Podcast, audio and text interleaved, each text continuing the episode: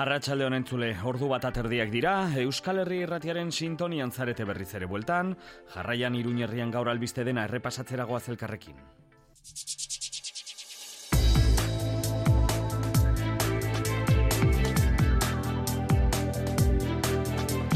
Tipitapa, tipitapa, korrikaren lekukoak azken kilometroak ditu gaur Nafarroan, iparraldeko euskaltzale itxanda pasaurretik, itzuliko da gero berriz ere, aste, arteran, aste artean gure lurraldera, baina lehendabiziko hiru egun hauetan gozatu duguan eta hemen urte bateko atzerapenarekin ailegatu den Euskararen aldeko herri lasterketa erraldoi honekin. Irun herrian zuzen zuzenean kontatu genizuen hemen Euskal Herri irratian, elurraren gainetik ere milaka euskaltzale bildu zirela. Larun batean, poz ze zirraraz eta unkituta kilometroz kilometro lekukoa pasaz. Atzo herriberan ere eguzkipean, ezen inorretxean geratu eta tuteratik egin zuen bidea, gogoan garria izanen da luzaroan, bertako peña, futbol talde, musikari, langile eta ikastolakola ikasleekin batera, eunka herritarri izan zirelako. Bada ordea hau guztia poza hau gustoko ez duenik eta beraien ari eusten diotela korrikaren leloa estalinaiean. Gaur parlamentuan Navarra sumak berriz ere egin du korrikaren kontra, baina oraingoan ez du lortu bere, bere adirazpena aurrera teratzea, naiz eta PSNek babestu duen Euskararen aldeko lasterketa loitzeko enegarren saiakera. Oztopo oztopo esan bezala korrikak aurrera jarraitzen du eta esan bezala une honetan auritzaldera iristeko zorian izanen da tipitepa tipi tapa. Korrikara, korrikari erreparatuko diogu jarraian, baita parlamentuan oni buruz izan den eztabaidari, baina albiste gehiago dugu gaur goizean zuekin batera partekatzeko. Erregaiaren salneurriek eragindako krisialdiari aurre egiteko Nafarroko gobernuak neurri berriak iragarri ditu gaur goizean, zerga kukituko ez zituela esan eta gero orain txibitek dio zenbait sektoretan zerga jeitxiera aplikatzeko aukera aztertzen ari direla batez ere nekazaritzen eta abeltzaintzan eta garraioetan. Badain zuzen erregaiaren prezioi aurre egiteko, hogei sentimoko litroko beherapenak hautsak arrotu zituen pasaen astean gasolindegietan, diru aurreratu behar zutela gaur gaiaz mintzatu gara. Mikel Irujo ekonomia kontxelariarekin hemen Euskal Herri irratian erregai fosilei alternatibak bilatzen hasia da dagoeneko esekutiboa.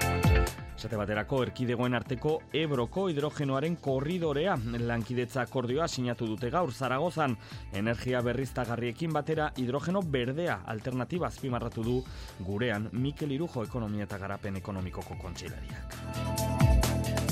Kirol tarte zabala ere irekiko dugu astelenero bezala, gaur are zabalagoa atzoko binakako finalaz solastu beharko bai garanoski emakumezkoen osasuna taldeak lenda biziko mailara igotzeko emandako urrats erraldoiaren berri emanen dizuegu. Gizonezkoen osasuna jasotako kolpea errepasatuko dugu eta nola ez.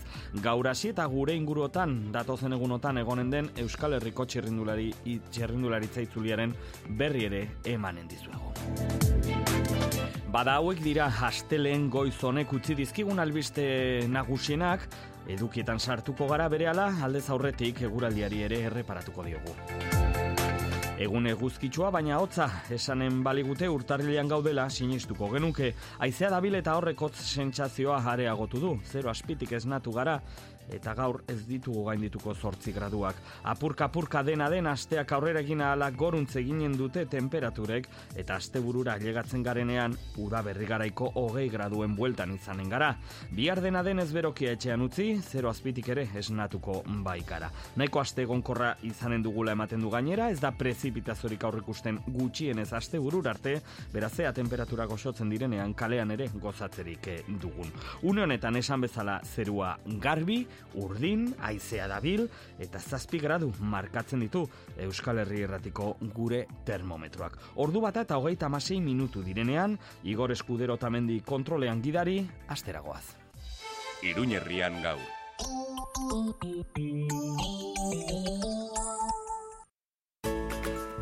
Apirilak bost, aste artea, zazpitardietan, kondestable jauregian, euskal literaturaren historia sobrenatural bat, irati jimenezek gidatutako bidaia literarioa.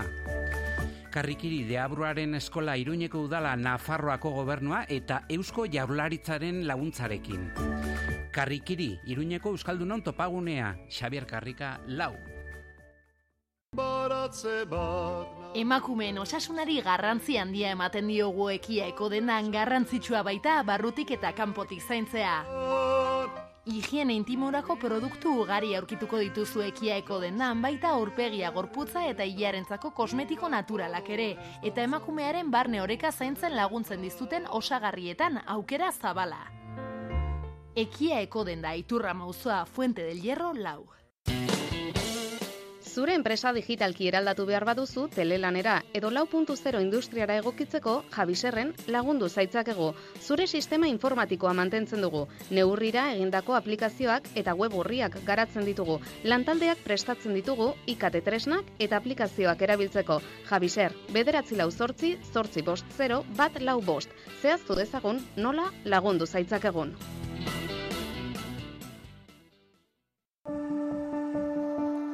Lurrak eskaintzen dizun guztia ezagutu ezazu. Gure lurra Nafarroako mendialdeko lehen sektoreak lantzen eta sustatzen duena. Ezagutu itzazu gure tokiko produktuak, ezagutu gure lehen sektorea. Zederna garalur. Etxean, etxekoa. Nafarroako gobernuak eta landa garapenerako Europako nekazaritza funtsak finantzatutako kanpaina. Europak landa eremuetan inbertitzen du.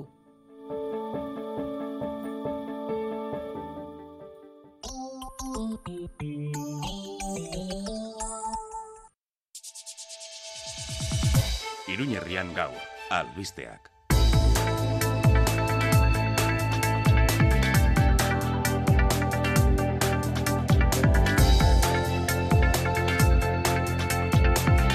Arratxaldeko ordubiak izateko, hogeita bi minutu falta direnean Euskal Herri irratian gertuko albisten kontakizuna egiten hasiko gara, egunero ordu honetan egiten dugun bezala. Apa orain hartzen du! Urrabiko Zuzeneko soinua da, hain zuzen korrikako furgonetatik eh, etortzen zaiguna, auritz berritik eh, irten, bir, irten berriak dira korrikalariak eta esan bezala gaur Pirineo aldean ari dira tipitapa tipitapa elur artean korrika egiten eh, esan bezala, korrikaren eh, korrika da gure egun hauetako albiste nagusia eta ari erreparatzen diogu une euro une euro zuzeneko eh, irudiak ikus ditzazkegu egunero badakizue aekak daukan eh, YouTube kanal eh, horretan eh, badakizue larun batean iritsi zela onat Iruñerrira eta hemen Euskal Herri irratian zuzeneko kontakizuna egin eh, genizuen Euskal Herria irratian eh, elurraren gainetik atzoa ordea eguzkipean herriberara ailegatu ziren eh, korrikalariak eta tutera igaro zutenetik horrelako doinuak aditu genituen.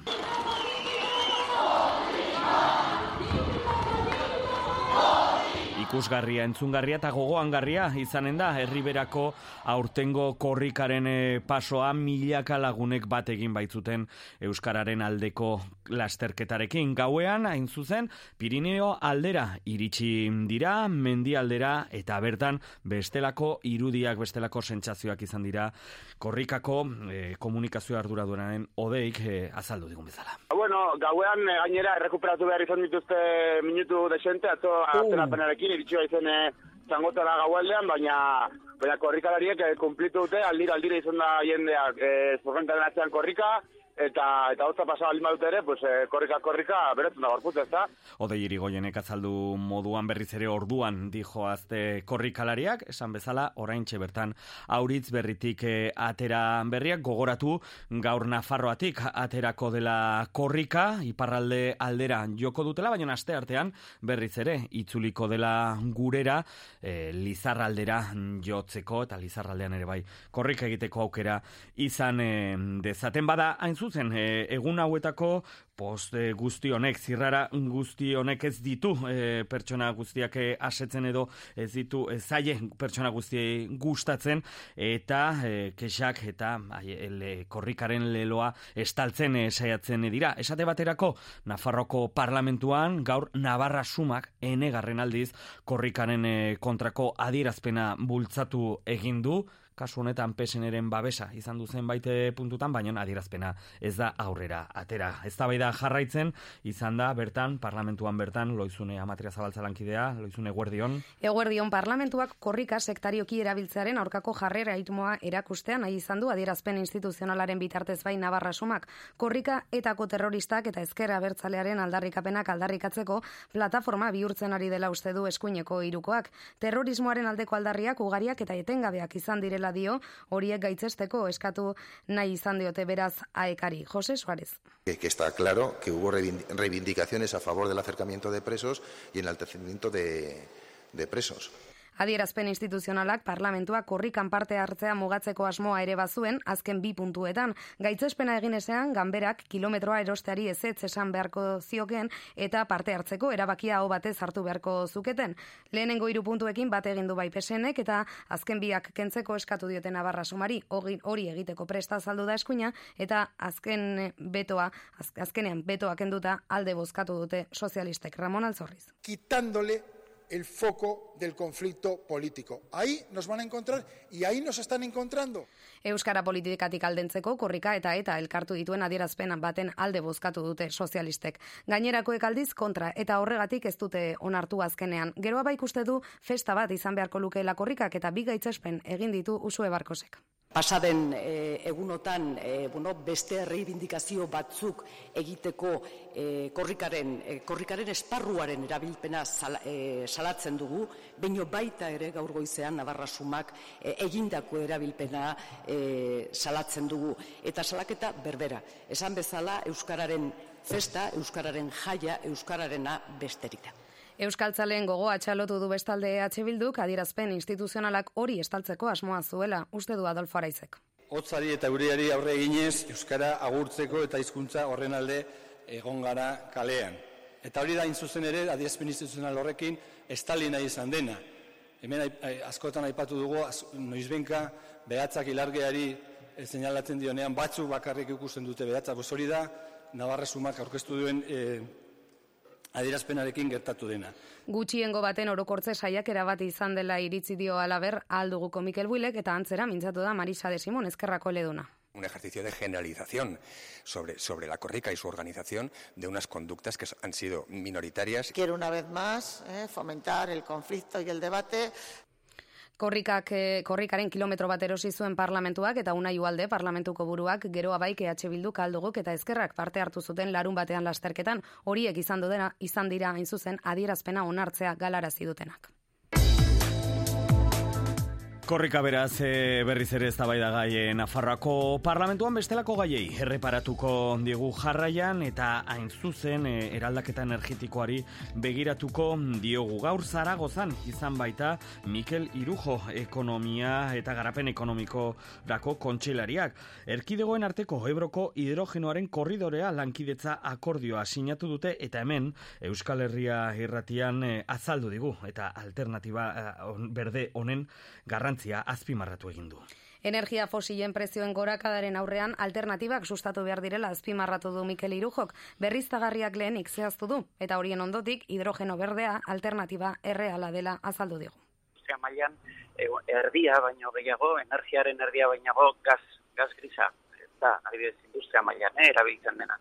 Gaza igo da hori nik askoz gehiago, hori badakiko zonako tensioak izan ditugun, baita hor, e, eta gure aldetik gazaren e, gehiengoa bai Argelia edo Marrokotik etorri, pues, prezioan e, igoera izan da ikaragarria, baina berezik ikusi bar duguna da nola murriztu, adibidez, industriaren industriak gazan daukan dependentzia horretan. Adibidez, hidrogeno berdea bai da, adibidez, e, gaza grisaren alternatiba e, oso posiblea. Teknologia ja e, hor dago eta egin alda.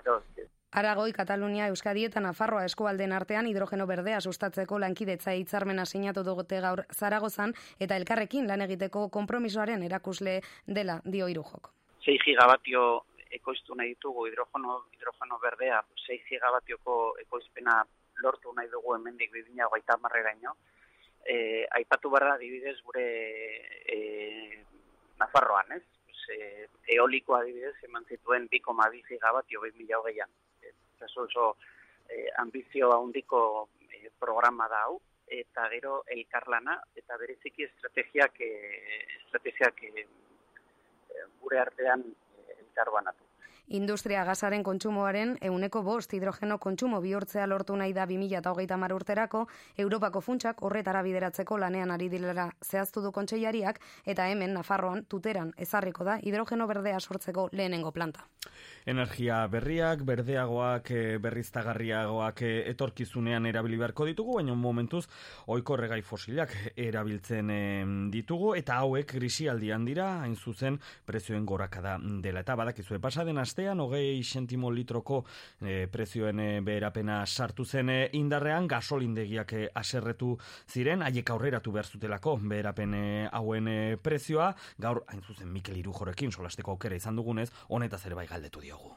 Beherapenaren dirua eskatzeko eskaera horria eskura dute ogasunaren webgunean gasolindegiek eta hori azpimarratu du lehenik kontseiariak aurreratutako dirua alik eta lasterren itzuli nahi die gobernuak ziurtatua dago, bultatuko dela, hainbat eh, galdera egin ziren, hainbat agentekin egon ginen joan zen astean, eta hori da, ostera lan bertan zintzilikatu zen formularioa, e, formulario horren bitartez da solindegiek eskatu aldute, eta zan bezala pigilak amabost arte dago irekia epea gasolindegiek eskatzeko. Lehen hilabetean, neurriak amar milioi euroko kostua izanen du eta guztira hogeita amabos milioi euroko kostua gerrak eragindako testu ingurua baretuko dela espero du irujok hau baretzeko importatu genuen petroliotik e, uneko berrogeia baino gehiago Rusiatik etorri zen.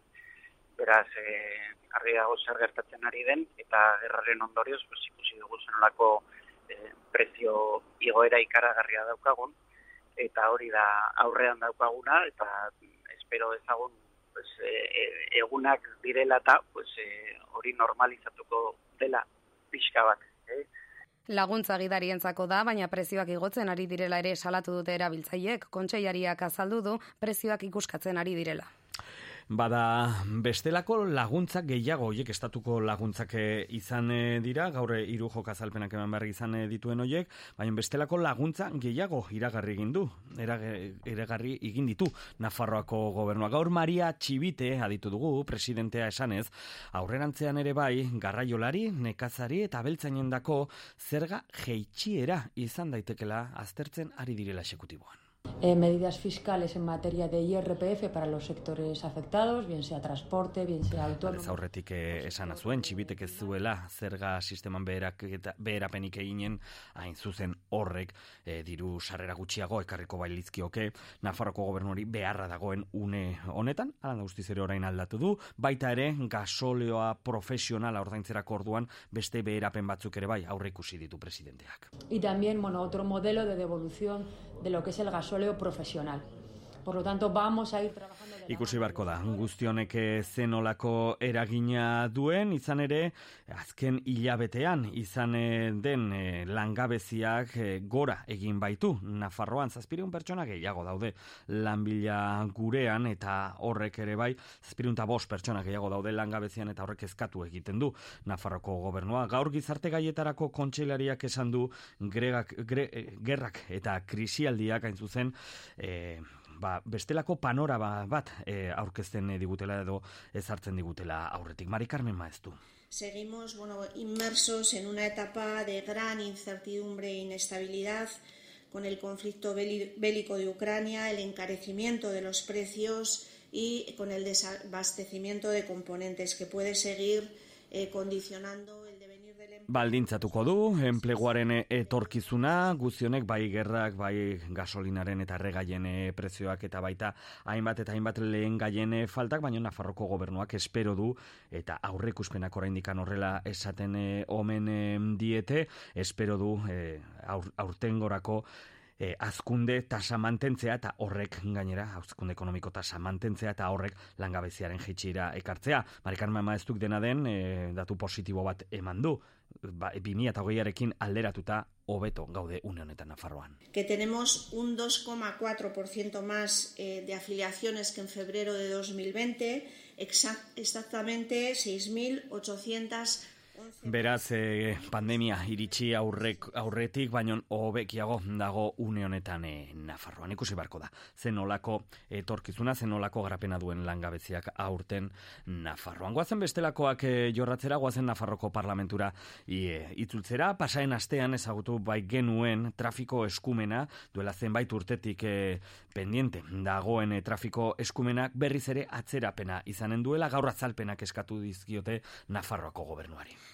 Pedro Sánchez Espainiako presidenteak 2000 eta emeretziko maiatza baino lehen gauzatzeko kompromisoa hartu zuen eta arrez gero etengabe atzeratu eginda eskumen aldaketa. Hainbat izan dira hiru urtetan eskuduntza aldaketa hau sinatzeko ezarritako edo iragarritako datak, baina presidente ordeak Nafarroakoak onartu zuen aurreko astean Nafarroaren eta estatuaren arteko jarrerak ez daudela gertu. PSNek gaur ez du informazio gehiagorik eman Nafarroako parlamentuan iritsi behar denean iritsiko dela esan du Ramon Alzorrizek eta geroa bai eta EH Bildu kritikoa azaldu dira. Sozialisten porrot bat litzateke eskuduntzaren aldaketa ez gertatzea usu ebarkosen iritziz.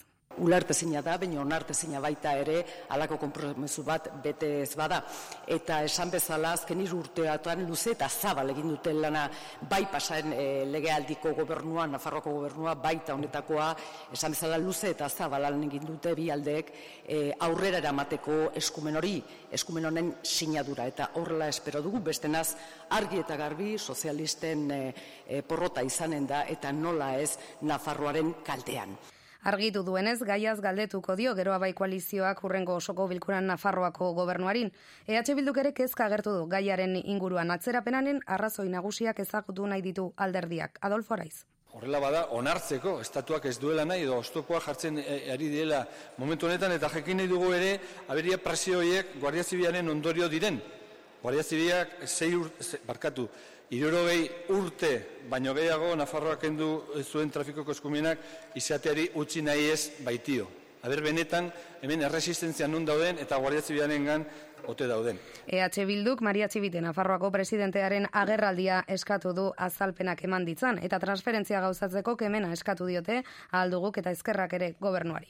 Ostegunean eginen ditu galdera hoiek beraz e, gero abaik Nafarroko gobernuari, ostegunean ere bai, baina kasu honetan epaitegietan, deklaratu beharko du baztango aroztegiako obretan protesta egiteagatik zazpigarren herritar bat. Baztango gazte asamblada korrela salatu egin du, bere sare sozialetan eta elkarretaratzera deitu egin du. Kriminalizazioa leporatzen diote aroztegiaren eh, enpresari eta galdetzen dute ea poliziak e, lan berbera egin duen hain zuzen legeak epailegek esandako e, eta epailek ikusitako legez kanpoko ekintzengatik bertako edo aroztegiaren eraikuntza horretan. Herritarren kriminalizazioa bideratzeko sekulako txostena ehunka aurrikoa prestatu du poliziak. Orain, gauza bera eginen aldu enpresak egun horietan egindako sarraskia epaitzeko, han egindako kalteak zerrendatuko alditu eta dena anpatuko aldu herritarrekin egin duen bezala, politikariek barkamena eskatuko aldute ilegalki landa eremoa beren mesedetarako usten duten enpresak defendatzeagatik eta herritarrei bizkarra emateagatik, Ostegunean beraz, elkarretaratzera, de egin dute hemen iruñean e, epaitegien aurrean, zazpigarren herritar honi, e, salatutako zazpigarren herritar honi babesa erakusteko. Goazen orain iritziaren tartea irekitzera, gaurkoan garat gazteluk egin digu zutabea.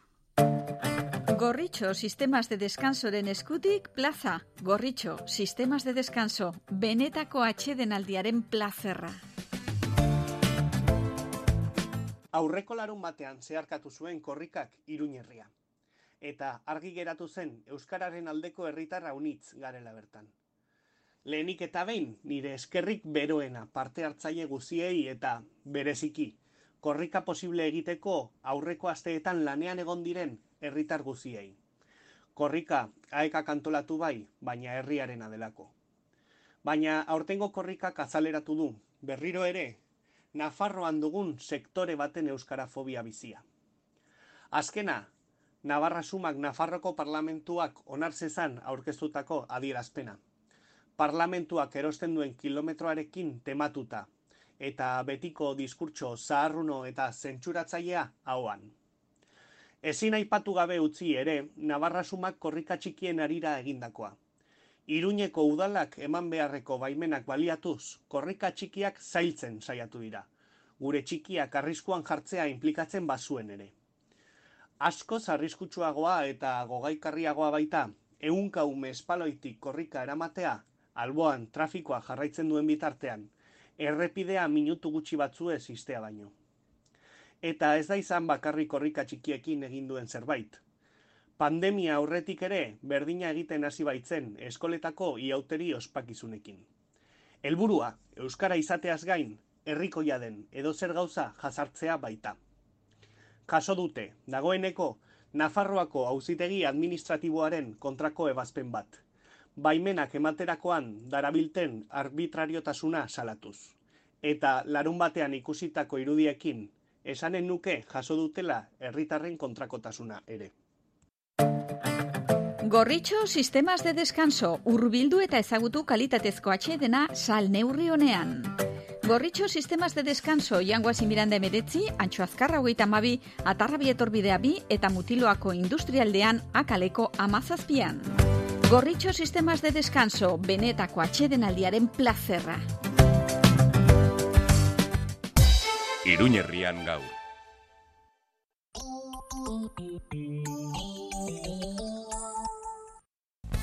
Orain zerbitzu berria, telemedikuntza teknologiarik aurreratuena zure eskura. Erretinaren patologiak prebenitzeko begia aztertzen dugu, baina orain begininia dilatatzeko tanten beharri gabe, azterketa pertsonalizatua. Optika Iruña, Aliozko Monasterioa lau, Donibane auzoan eta optikairuna.com webunean. Noainen, serreria espartza. Zurdindegi eta ebanisterietarako hornikuntza. Altzariak, eskailerak eta upelak egiteko askotariko zura. Gaztainondoa, gereziondoa, lizarra, informazio gehiago serreriaesparza.com webunean. Gure berezitasuna, aritza. Karrikirik antolatuta nano antzerkiaroa. Apirilak bederatzi larun bat amabiterrietan laban gazteluko plazan nora zoaz kalamiti kaktus antzerki konpainiaren antzeslan familiarra. Sarerak salgai karrikirin iru eurotan. Nano antzerki aroa, Iruñeko udalak Nafarroko gobernuak eta Eusko Jaurlaritzak babestuta karrikiri, Iruñeko Euskaldunon topagunea, Xavier Karrika, lau.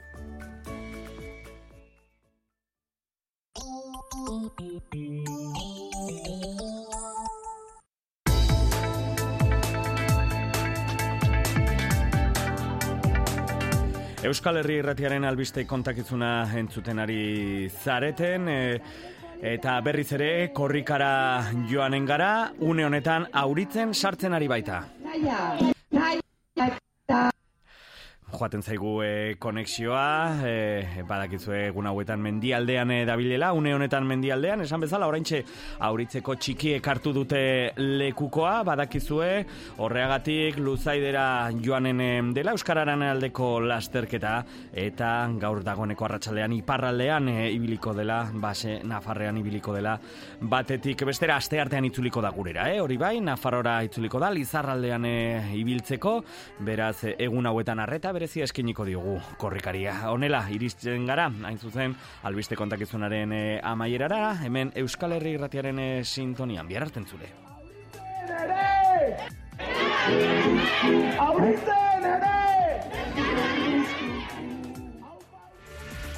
Euskadi irratian, goizak gaur.